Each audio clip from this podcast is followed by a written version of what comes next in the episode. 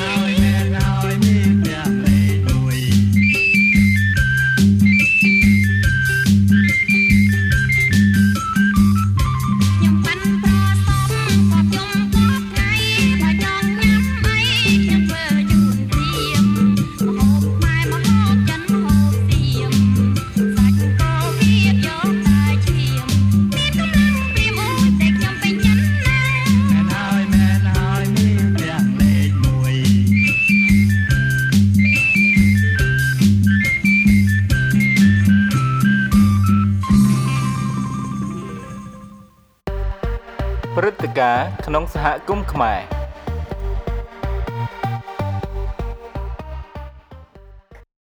រដូវក្តៅបានឈានមកដល់ហើយចា៎ហើយអាកាសធាតុកាន់តែមានភាពត្រជាក់ល្មមវាពិតជាការល្អណាស់លោកអ្នកអាចអញ្ជើញទៅ picnic, barbecue ឬធ្វើដំណើរកម្សាន្តទៅកាន់ឆ្នេរសមុទ្រជាដើមស្ថានីយ៍វិទ្យុសហគមន៍ 2GLF 89.3 FM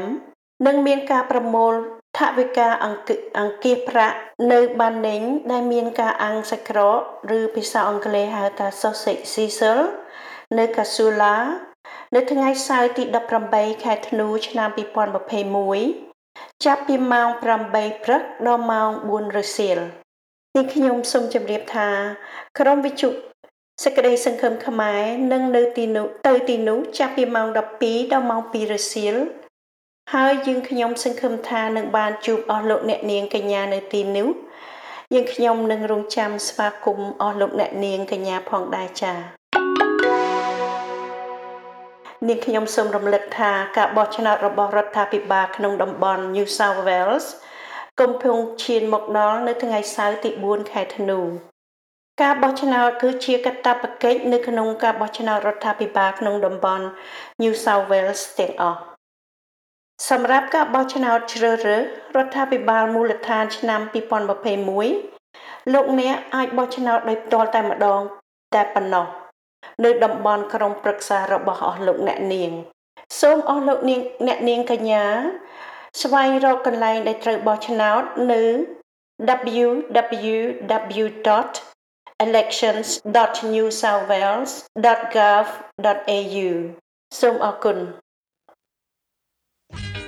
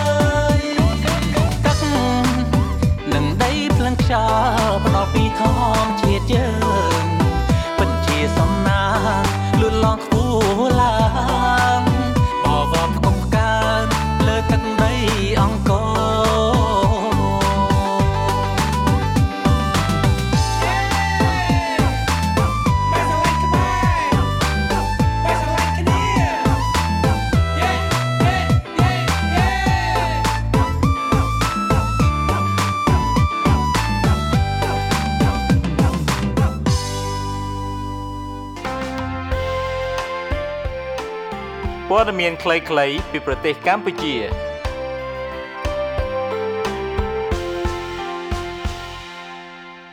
ព័ត៌មានពីកម្ពុជានៅថ្ងៃនេះដកស្រង់ពីកាសែតខ្មែរ Times បាទលោកហ៊ុនសែនគ្រប់គ្រងលោកហ៊ុនម៉ាណែតជានាយករដ្ឋមន្ត្រីជំនាន់ក្រោយសម្ដេចតេជោហ៊ុនសែននាយករដ្ឋមន្ត្រីនៃកម្ពុជាបានប្រកាសគ្រប់គ្រងពេញទំហឹងឲ្យលោកហ៊ុនម៉ាណែតជាកូនប្រុសច្បងរបស់សម្ដេចធ្វើជានាយករដ្ឋមន្ត្រីបន្តប៉ុន្តែត្រូវឆ្លងកាត់ការបោះឆ្នោត ការប្រកាសរបស់សម្ដេចតេជោហ៊ុនសែនបានធ្វើឡើងក្នុងឱកាសដែលសម្ដេចអញ្ជើញសម្ពោធផ្លូវនិងប្រព័ន្ធប្រព្រឹត្តកម្មទឹកកខ្វក់តម្លៃសរុបប្រមាណ300លានដុល្លារនៅខេត្តព្រះសីហនុនាព្រឹកថ្ងៃទី2ខែធ្នូឆ្នាំ2021នេះក្រៅសោយទីវង្គតអ្នកនយោបាយគ្រប់និន្នាការបញ្ចេញការសោកស្ដាយការបាត់បង់សម្ដេចក្រមព្រះនរោត្តមរណរដ្ឋ នេះជាការផ្សាយរបស់វិទ្យុបារាំងអន្តរជាតិកាលពីថ្ងៃទី29ខែវិច្ឆិកាឆ្នាំ2021សម្ដេចក្រមព្រះនរោត្តមរណរដ្ឋប្រធានក្រុមឧត្តមប្រឹក្សាផ្ទាល់ព្រះមហាក្សត្រនិងជាប្រធានគណៈបកហ្វុនស៊ិនពេជ្របានយាងសោយទីវង្គតហើយកាលពីព្រឹកថ្ងៃទី28ខែវិច្ឆិកានៅប្រទេសបារាំងត្រូវនឹងម៉ោង3:40នាទីរសៀលម៉ោងនៅកម្ពុជាក្នុងព្រះជន្មាយុ77ព្រះវស្សាដោយរោគគាពៀតភ្លាមភ្លាមក្រោយព្រះអង្គសោយទីវង្គត អ្នកនយោបាយកម្ពុជាទាំងស្របនឹងប្រឆាំងព្រះអង្គរួមនឹងប្រជាពលរដ្ឋខ្មែរជាច្រើនបានសម្ដែងនៅសមានចិត្តចូលនឹករលឹកអាឡោះអាល័យនិងចូលរួមរំលែកដល់ក្រុមគ្រួសាររាជវង្សរបស់សម្ដេចក្រមព្រះផងដែរដើមចេញពីលោកនាយរដ្ឋមន្ត្រីហ៊ុនសែនការបាត់បង់សម្ដេចក្រមព្រះនរោត្តមរណរដ្ឋគឺជាការបាត់បង់ព្រះអិសរជនក្នុងព្រះរាជវង្សដ៏ល្អឆ្នាំមួយព្រះអង្គដែលទ្រង់ពេញប្រហត្ថីស្នេហាជាតិសាសនាព្រះមហាក្សត្រ ប្រកបដោយព្រះចន្ទៈមនសិការមុមុតនិងវៀងវៃជាអតិបរមាពីក្រៅប្រទេសលោកសំរងស៊ីបកប្រធានស្ដីទីគណៈបកសង្គ្រោះជាតិបានសរសេរនៅលើទំព័រ Facebook របស់លោកថាព្រះអង្គម្ចាស់នរោត្តមរណរដ្ឋជាមេដឹកនាំចលនាតស៊ូមួយរូបគួរឲ្យគោរពពីចុងទសវត្សរ៍ឆ្នាំ1980ដល់ការបោះឆ្នោតរៀបចំដោយអង្គការសហប្រជាជាតិក្នុងខែឧសភាឆ្នាំ1993លោកសំរងស៊ីបញ្ជាក់ថាលោកសូមសម្ដែងការគោរពចំពោះវិញ្ញាណក្ខន្ធព្រះអង្គ សូមបញ្ជាក់ថាសម្ដេចក្រមព្រះនរោត្តមរណរដ្ឋប្រសូតនៅថ្ងៃទី2ខែមករាឆ្នាំ1944នារាជធានីភ្នំពេញទ្រង់ជាព្រះរាជបុត្រានៃព្រះករុណាព្រះបាទសម្ដេចព្រះនរោត្តមសីហនុព្រះមហាវីរក្សត្រនិងអ្នកមនាងផាត់កញ្ញល់នាដការីនៃរបាំព្រះរាជទ្រព្យព្រះនាមសម្ដេចក្រមព្រះត្រូវបានរំលេចតាមរយៈការដឹកនាំចលនារណសេរហ្វុនស៊ិនពេជ្រនៅជ័យដែនកម្ពុជាថៃ ជាសមាជិកក្រុមប្រឹក្សាជាតិជាន់ខ្ពស់និងបានក្លាយជានាយករដ្ឋមន្ត្រីទី1នៅក្នុងការបោះឆ្នោតដែលរៀបចំឡើងដោយអ៊ុនតាក់កាលពីឆ្នាំ1993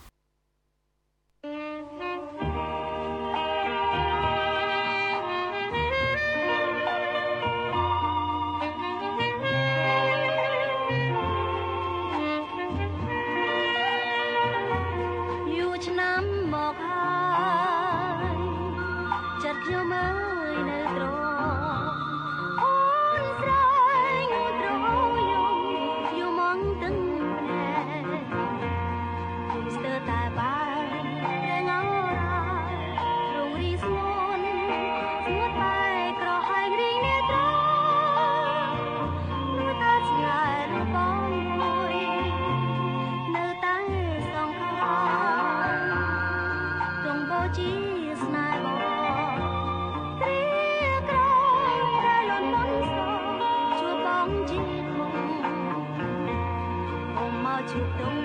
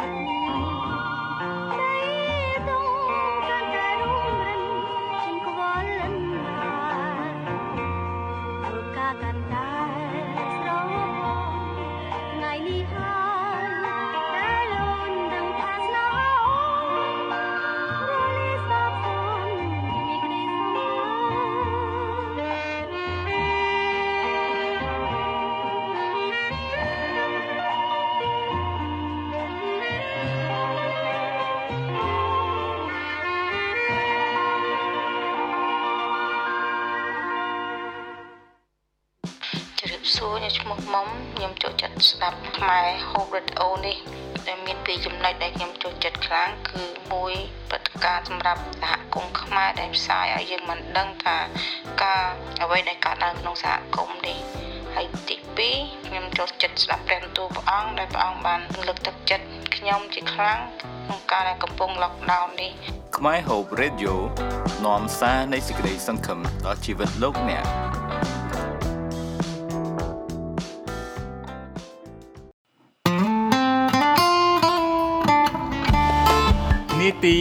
រាជសារនៃសេចក្តីសង្ឃឹម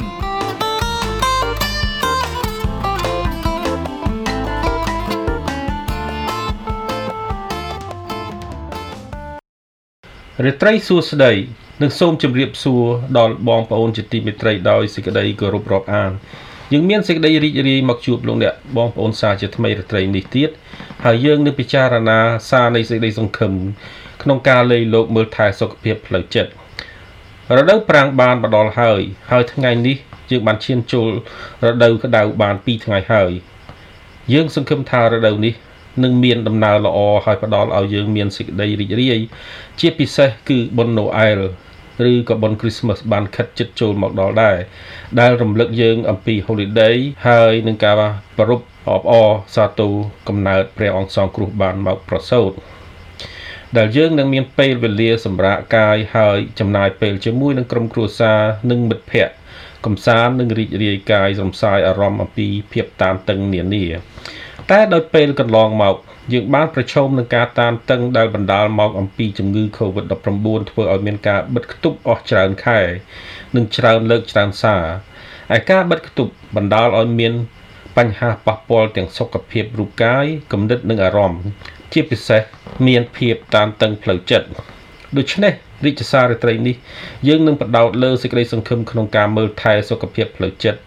ដោយចាប់អារម្មណ៍ទៅលើសម្ពាធអារម្មណ៍ឬអារម្មណ៍តានតឹង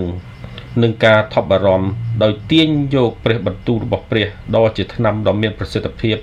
សម្រាប់ព្យាបាលបានសម្ពាធអារម្មណ៍ឬជំងឺអារម្មណ៍អាចបណ្ដាលមកពីកត្តាច្រើនយ៉ាង និងពីកន្លែងនានា និងគ្រប់ពេលវេលា ដូចជាមកពីការងារក្រុមគ្រួសារសាលារៀននិងតំណែងតំណងឬក៏ថាសឹងតែគ្រប់អ្វីៗទាំងអស់អាចជាប្រភពនៃការថប់បារម្ភនៅក្នុងជីវិតរៀងរាល់ថ្ងៃហើយឥឡូវនេះដែលយើងរស់ក្នុងពេលមួយដែលមិនទៀងដោយសារតែ ភាពតានតឹងនៃ COVID-19 ដែលអាចបង្ហាញឲ្យយើងឃើញសម្ពាធអារម្មណ៍លើសលប់ហួសប្រមាណ ជាពិសេសសញ្ញារោគមួយដែលបន្លាយខ្លួនថ្មីហៅថា Omicron ដែលមកដល់ថ្មីថ្មីផងដែរអ្នកខ្លះបែរទៅរកថ្នាំពេទ្យទោះជាពិធីព្យាបាលឬការស្មឹងស្មាតឬការធ្វើសមាធិជាដើម ដើម្បីជួយបន្ធូរបន្ថយការភ័យខ្លាច ឬសម្ពាធអារម្មណ៍តែមានមនុស្សជាច្រើនធ្វើការអធិដ្ឋានទៅរកព្រះហើយអានព្រះគម្ពីរដើម្បីបន្ធូរបន្ថយការថប់បារម្ភ ជាពិសេសអំឡុងពេលដ៏លំបាកនេះ ហើយជាមួយនឹងបទគម្ពីរមួយចំនួនអំពីសម្ពាធអារម្មណ៍ឬជំងឺអារម្មណ៍បន្តបន្ទាប់នេះលោកអ្នកបងប្អូនអាចទទួលបានការរំលឹកថាព្រះដ៏ជាព្រះតែងតែតូតមើលលោកអ្នកបងប្អូន ហើយបើលោកអ្នកគ្រាន់តែស្រែក អំពាវនាវសូមជំនួយពីទ្រង់នោះព្រះអង្គនឹងប្រទានជំនួយដល់លោកអ្នកចំណែកដ៏វិសេសវិសាលដែលលោកអ្នកមានព្រះនៅខាងលោកអ្នកបងប្អូនគឺថាព្រះអង្គតែងតែ ដឹកនាំនិងបង្ហាញផ្លូវលោកអ្នកពេលណាលោកអ្នកត្រូវការរំលឹកថាព្រះអង្គទ្រង់ដឹកនាំលោកអ្នកតាមផ្លូវត្រូវនៅក្នុងគ្រាមានទុក្ខលំបាកសូមអានព្រះគម្ពីរមើលបទអំពីការគ្រប់គ្រងលើសម្ពាធអារម្មណ៍ នោះលោតែចិត្តលោកអ្នកបងប្អូនមានអារម្មណ៍ធូរស្បើយហើយទិវារបស់ផងបងប្អូនលោកអ្នកនឹងមានរស្មីភ្លឺឡើងជាងមុនផងគម្ពីរយ៉ាកុបចំពុក1ខ2ដល់ខ4 បងប្អូនអើយកាលណាអ្នករាល់គ្នាមានសេចក្តីលបួងផ្សេងផ្សេងនោះត្រូវរាប់ជាសេចក្តីអំណរសពគ្រប់វិញ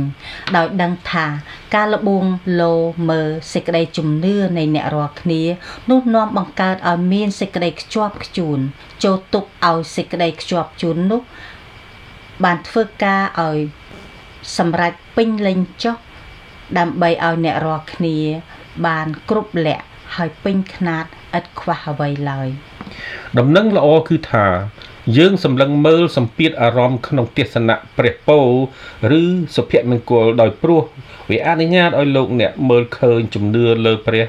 ហើយរៀនអំពីការទ្រាំទ្រអត់ធ្មត់ដើម្បីឈ្នះទៅអនាគតលូកាចំពុក21ខ19ប្រាប់យើងថា អ្នករាល់គ្នានឹងបានជីវិតគង់នៅវិញ ដោយមានចិត្តខ្ជាប់ខ្ជួនដំណឹងល្អនោះគឺថាឈោមមមួនចំពោះមុខខ្មាំងសត្រូវហើយអ្នកនឹងច្រូតបានផលប្រយោជន៍វិញបទគម្ពីរទំនុកដំកើងចំពុក119ខ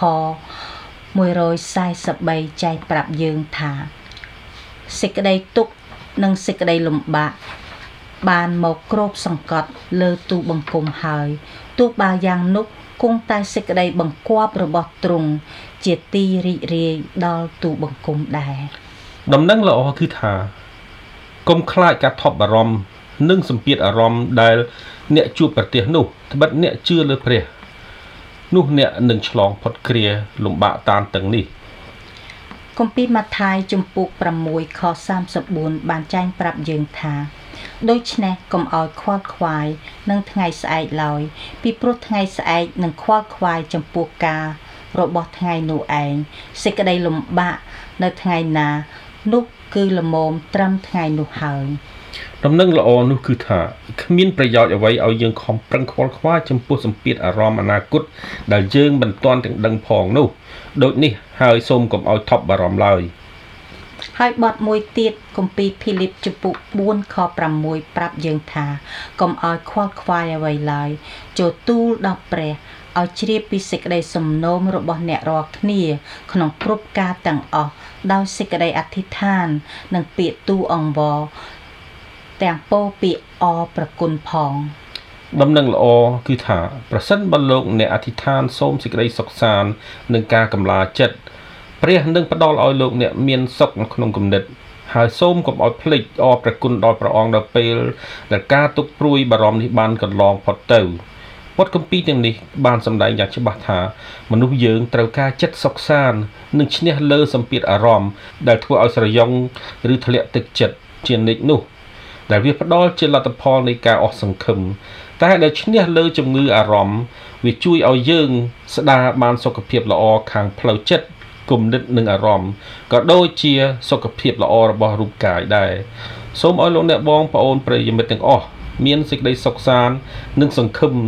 មានសុខភាពល្អខាងផ្លូវចិត្តគំនិតនិងអារម្មណ៍ហើយសូមព្រះជួយឲ្យឈ្នះជំងឺអារម្មណ៍ឬសម្ពាធអារម្មណ៍ហើយមានអំណរនិងចិត្តរីករាយសូមប្រងប្រទានពរពីខ្ញុំបាទគ្រូអ៊ុយស៊ុនសាវ៉េត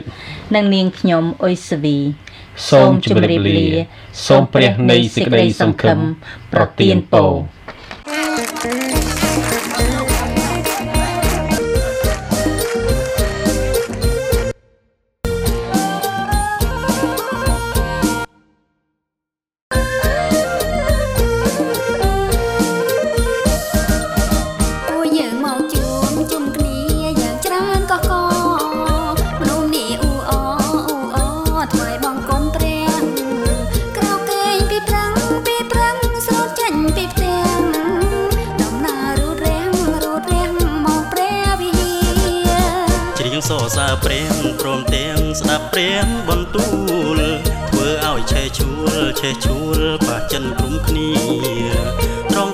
ប់បងគួព្រះអម្ចាស់បៃតាឲ្យយើងក្រុមគ្នាស្អាតចំពោះព្រះនេត្រង់ព្រះអង្គទូតមកយើងរៀងរាល់ថ្ងៃអត់ដែលមានអ្វីលាក់កំបាំងពីព្រះអង្គ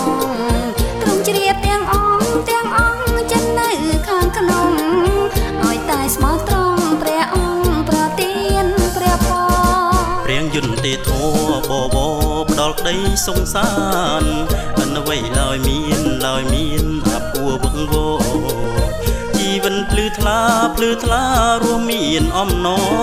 រធ្វើឲ្យត្រេកអរត្រេកអររស់ក្នុងព្រះអង្គ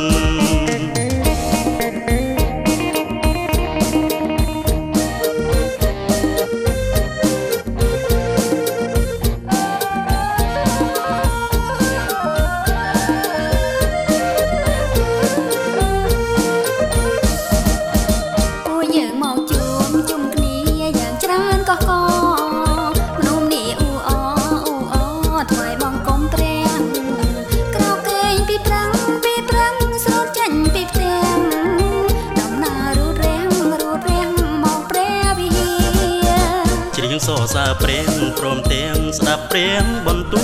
លធ្វើឲ្យឆេះឈួលឆេះឈួលប៉ះចិនក្រុមគ្នាត្រង់ត្រាំស្ដាប់បងគួព្រះអម្ចាស់បៃតាឲ្យយើងក្រុមគ្នាស្អាតចំពោះព្រះនេត្រង់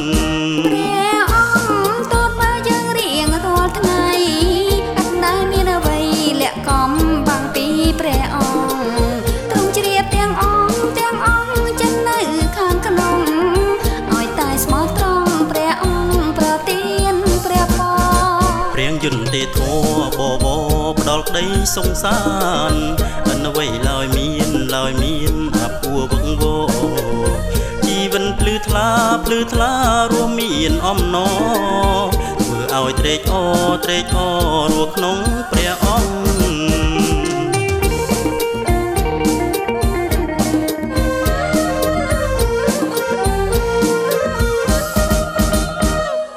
សេចក្តីជូនដំណឹងក្រុមជំនុំបាប់ទីសគ្រីស្ទជនខ្មែរស៊ីដនីយើងបានចាប់ផ្ដើមជួបប្រជុំ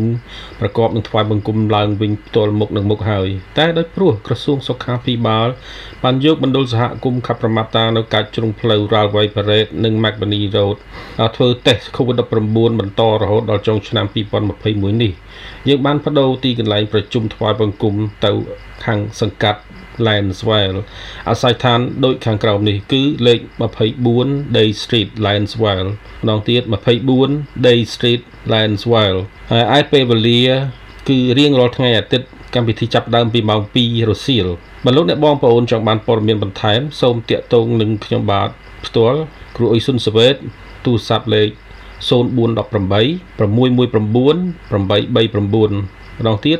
0418 619 839ឬតាក់ទងនឹងលើកគ្រូពុនយុធារាទូរស័ព្ទលេខ0468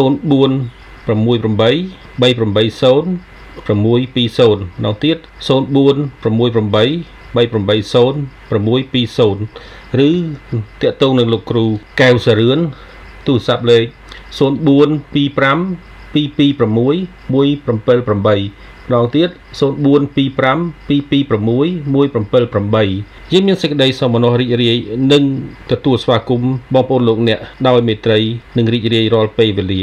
សូមអរគុណសូមជូនព័ត៌មានអន្តរជាតិលោក Shinzo Abe ជប៉ុននិងអាមេរិកនឹងមិនឈរមើលបើចិនវាយប្រហារតៃវ៉ាន់នេះជាការផ្សាយលើគេហទំព័រវិទ្យុ Video FM អតីតនាយករដ្ឋមន្ត្រីជប៉ុនលោក Shinzo Abe នៅថ្ងៃពុធសប្តាហ៍នេះបានសង្កត់ធ្ងន់ថាប្រទេសជប៉ុននិងសហរដ្ឋអាមេរិកមិនអាចបើកភ្នែកឈរមើលហើយនៅស្ងៀមបានទេប្រសិនបើចិនបើកការវាយប្រហារលើកោះតៃវ៉ាន់ហើយទីក្រុងប៉េកាំងចាំបាច់ត្រូវយល់ពីរឿងនេះ ថ្លែងទៅកាន់វេទិកាមួយដែលរៀបចំឡើងដោយវិទ្យាស្ថានស្រាវជ្រាវគោលនយោបាយជាតិអតីតនាយករដ្ឋមន្ត្រីជប៉ុនលោក Shinzo Abe បានលើកឡើងពីហានិភ័យដែលអាចកើតឡើងនិងក្លាយជាគ្រោះថ្នាក់យ៉ាងធ្ងន់ធ្ងរដល់ប្រទេសជប៉ុនប្រសិនបើទីក្រុងប៉េកាំងបើកការវាយប្រហារប្រដាប់អាវុធលើកោះតៃវ៉ាន់ជាមួយគ្នានេះលោកបានគូបញ្ជាក់ពីសុខទុក្ខនិងសន្តិភាពរបស់តៃវ៉ាន់គឺជាសន្តិភាពរបស់ជប៉ុនដូច្នេះជារួមវាចាត់ទុកបានថាជាគ្រោះថ្នាក់មួយសម្រាប់សម្ព័ន្ធភាពជប៉ុនអាមេរិក មួយទៀតជាពិសេសប្រជាជននៅទីក្រុងប៉េកាំងក៏ដូចជាប្រធានាធិបតីចិនលោក Xi Jinping មិនគួរមានការយល់ច្រឡំក្នុងការទទួលស្គាល់រឿងទាំងនេះទេប្រកាសដែលតៃវ៉ាន់រីកចម្រើនតៃវ៉ាន់មានអំណាចហើយធានាសេរីភាពនិងសិទ្ធិមនុស្សក៏ជាផលប្រយោជន៍របស់ប្រទេសជប៉ុនដែរពិតណាស់នេះក៏ជាផលប្រយោជន៍របស់ពិភពលោកទាំងមូលផងដែរបើតាមការសង្កត់ធ្ងន់របស់អតីតនាយករដ្ឋមន្ត្រីជប៉ុនលោកអាបេតាមការចេញផ្សាយរបស់វិទ្យុ Video FM នៅថ្ងៃទី30ខែវិច្ឆិកាឆ្នាំ2021កន្លងមកនេះ បានសរសេរថាក្រុមហ៊ុនអភិវឌ្ឍវ៉ាក់សាំង COVID-19 ចាប់ផ្ដើមសិក្សាបង្កើតវ៉ាក់សាំងថ្មី ប្រឆាំងវីរុស Omicron បណ្ដាក្រុមហ៊ុនអភិវឌ្ឍវ៉ាក់សាំង COVID-19 បាននិយាយកាលពីថ្ងៃ29ខែវិច្ឆិកាថាខ្លួនកំពុងធ្វើការសិក្សាលើវ៉ាក់សាំង COVID-19 ដែលផ្ដោតជាពិសេសទៅលើវីរុស COVID-19 បំលែងថ្មី Omicron បើក្នុងករណីដែលវ៉ាក់សាំងប្រឆាំងជំងឺ COVID-19 របស់ខ្លួនដែលមានស្រាប់มันមានប្រសិទ្ធភាពប្រឆាំងនឹងមេរោគឆ្លងវីរុសប្រភេទថ្មីនេះនៅក្នុងនោះរួមមានក្រុមហ៊ុនអភិវឌ្ឍវ៉ាក់សាំង BioNTech, Moderna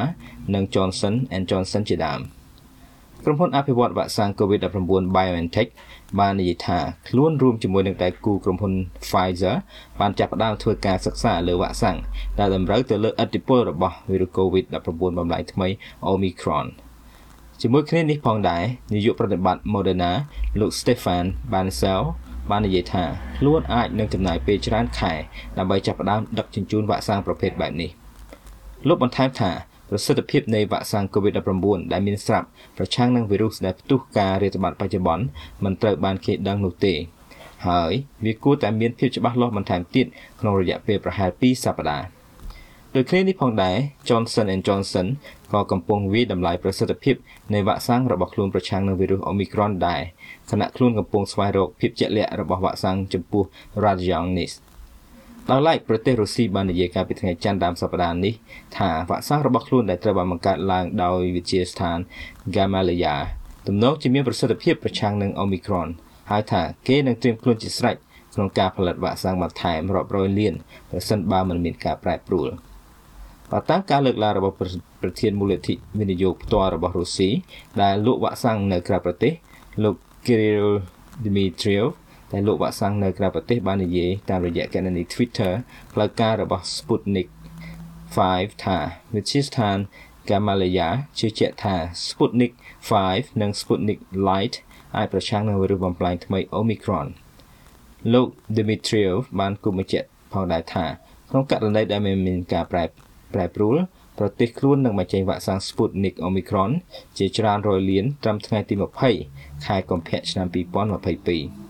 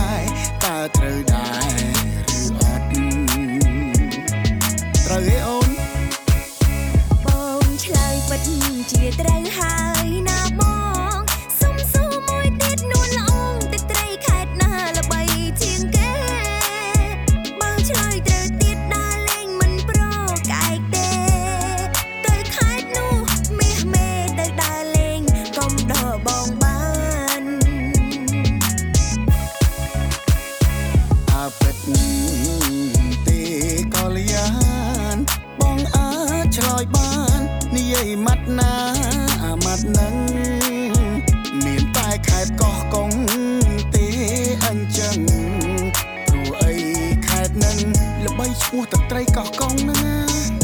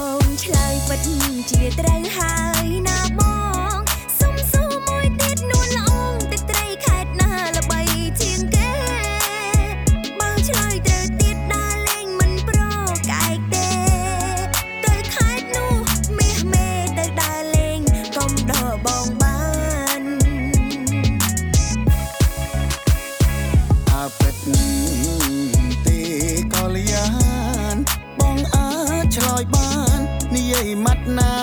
អាម៉ាត់នឹងមានតែខេបកោះកុង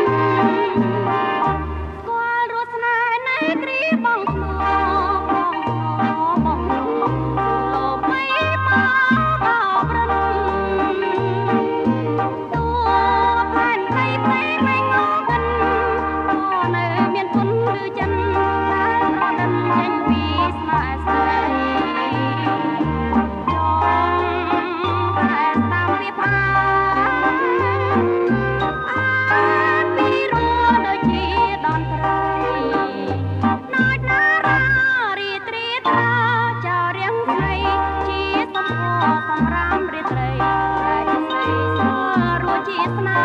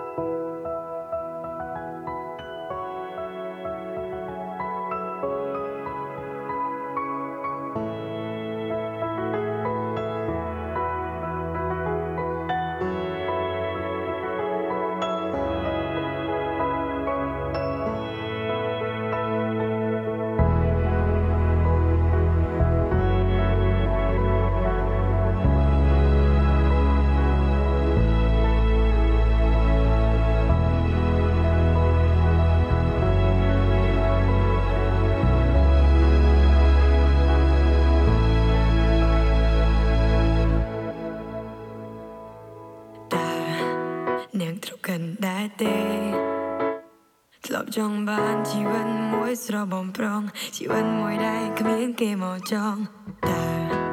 ពីបានណាមែនទេគ្រាន់តែចង់ធ្វើអ្វីតាមក្តីបំណងបំណងដែលតែងគេផ្សងកានមកដើម្បីនាងណាបដិងគេមកត្រូវតវ៉ាមកធ្វើជាបន្លាមកស្រួនចាំងដោនវិញដោ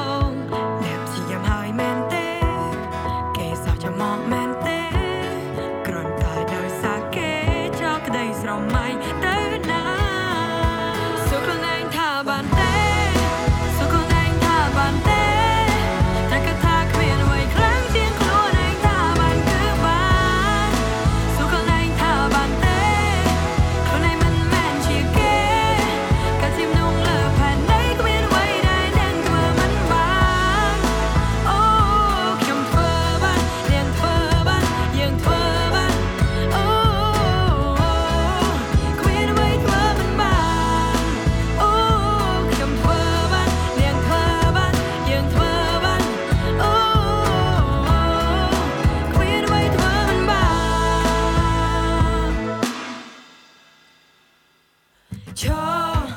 លើចំហខ្លួនណៃ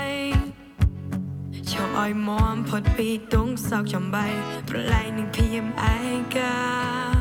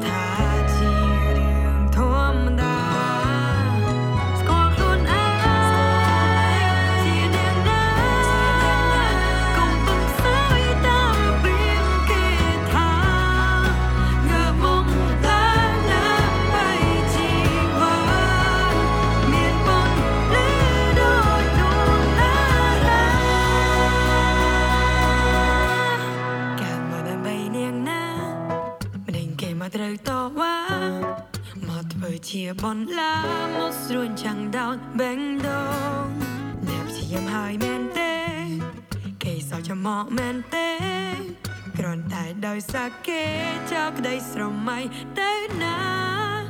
សុខកន្លែងថាបានទេសុខកន្លែងថាបានទេ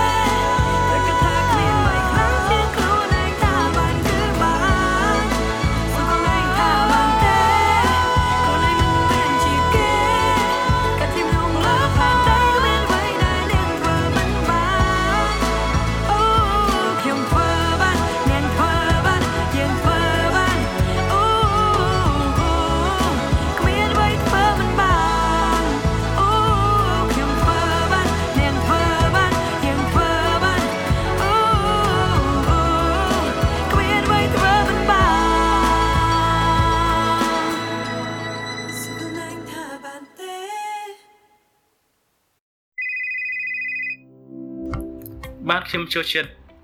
ស្ដាប់ប៉ុស្តិ៍វិទ្យុក្តីសង្ឃឹមខ្មែរពីព្រោះក៏មានអមដោយចម្រៀងពីរោះពីរោះបាទខ្ញុំចូលចិត្តមែនតើស្ដាប់ហើយចង់ស្ដាប់ទៀតចម្រៀងដែលស្ដាប់បានគ្រប់វ័យបាទខ្មែរហូប Radio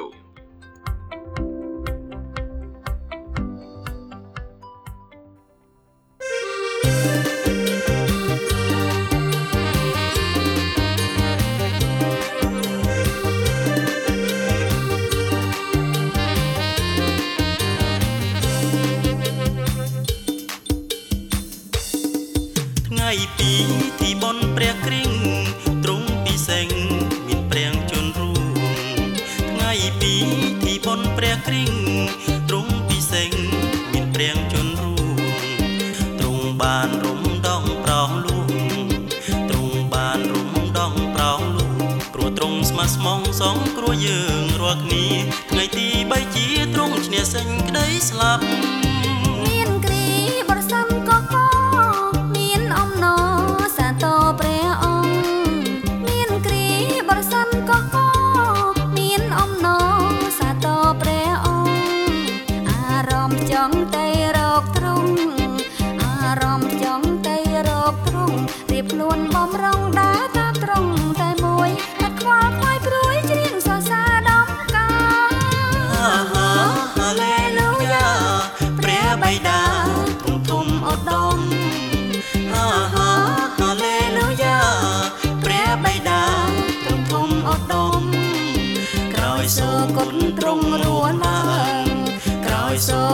ត្រង់រស់ណា